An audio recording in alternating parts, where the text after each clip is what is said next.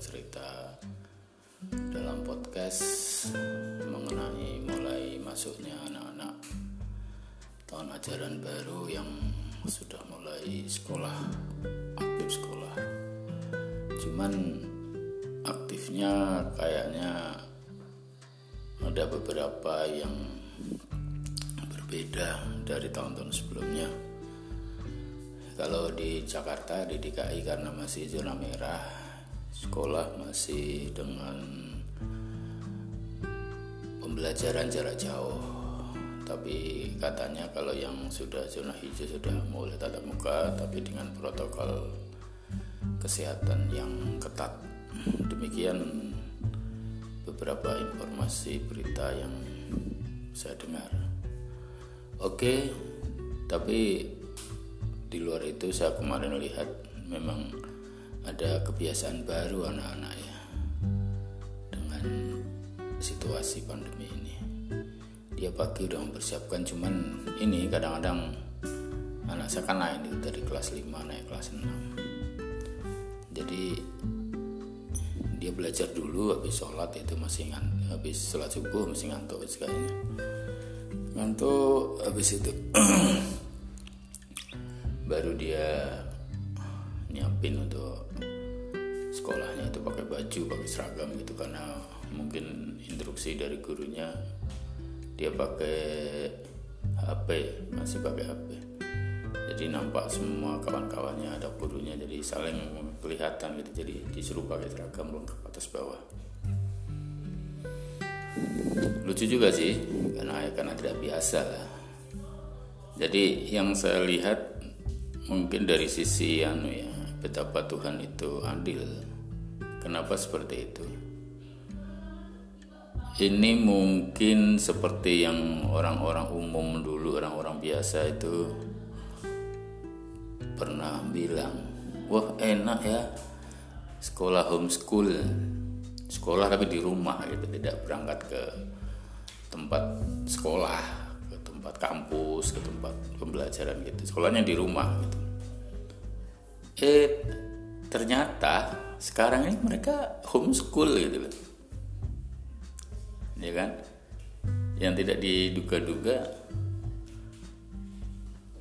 bisa seperti itu gitu.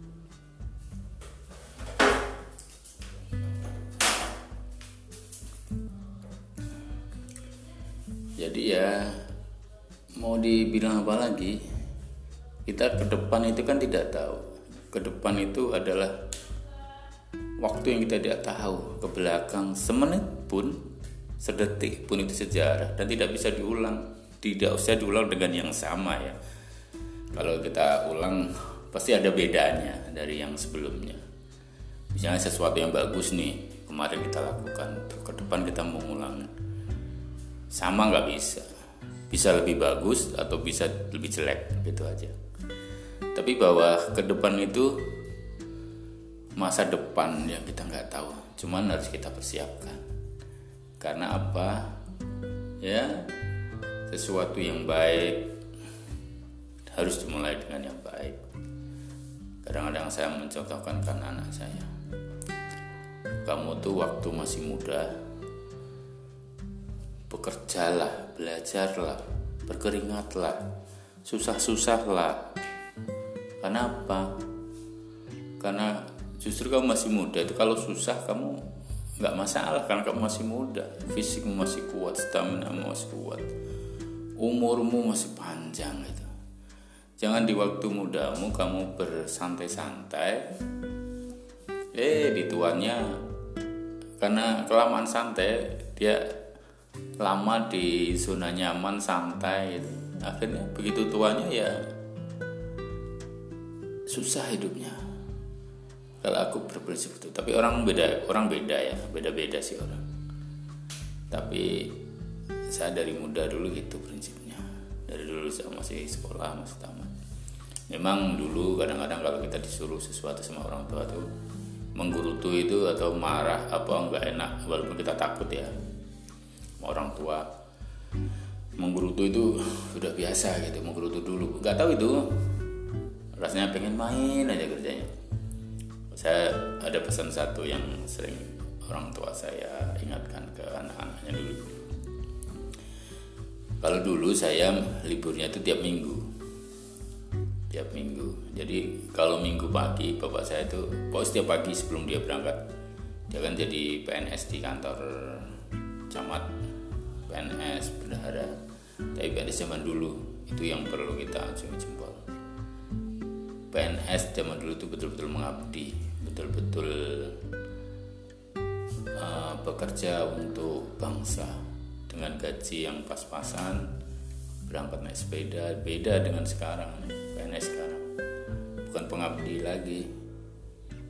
Kalau sekarang masih ada juga. Kalau bisa lambat kenapa dipercepat? Masih ada kadang-kadang seperti itu. Bukan melayani kalau dulu mah dari situ sering kalau minggu itu kami kan pengennya main gitu sama kawan-kawan. Tapi bapak saya itu kalau pagi mesti disuruh bersih-bersih. Kan banyak tuh di kebun itu. Bapak saya suka nanam. Dari sebelum ke kantor dia nanam terus. Habis itu mandi berangkat ke kantor dia. Pagi paginya nanam dia. Dari habis sholat subuh apa aja ditanam dia. Mau buahan mau pisang mau mangga mau jambu biji banyak yang ditanam dan kami sempat merasakan hasilnya pada saat pertama-tama saya udah bekerja ya. Itu betapa melimpahnya buah-buah yang orang tua saya tanam. Nah minggu itu karena banyak pisang itu kan banyak tuh daun-daunnya kering tuh. Di ini dibersihkan itu di sokroin itu istilahnya Jawa di sokroin gereng-gereng diambil biar pisangnya bagus gitu kan. Kalau kami agak masem gitu mukanya disuruh udah bilang aja kalau suruh orang tua mesti kayak gitu kerja itu yang ikhlas. Kalau nggak ikhlas udah sana main aja ya dengan seperti itu aja kita udah kecut nyalinya ya. Akhirnya nggak jadi main tetap mengerjain apa yang orang tua kita suruh ya. Nah, dan itu sekarang menjadi uh, semacam apa sering saya bilang ke anak-anak saya. Karena menurut saya itu bagus ya itu yang saya ajarkan karena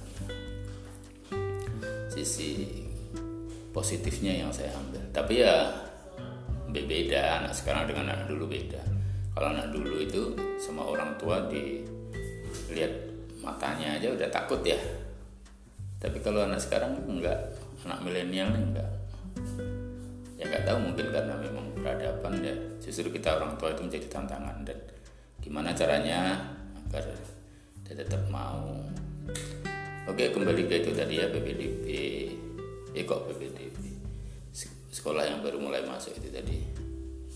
Ya dijalani aja.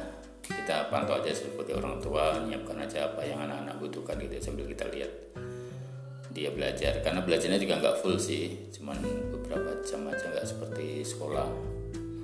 Kalau datang ke sekolah gitu ya kalau sekolah virtual ini sekolah jarak jauh ini gak lama sih. Oke demikian uh, ngobrol-ngobrol saya. Mungkin ada yang bisa dipakai dipakai kalau enggak ya nggak apa-apa.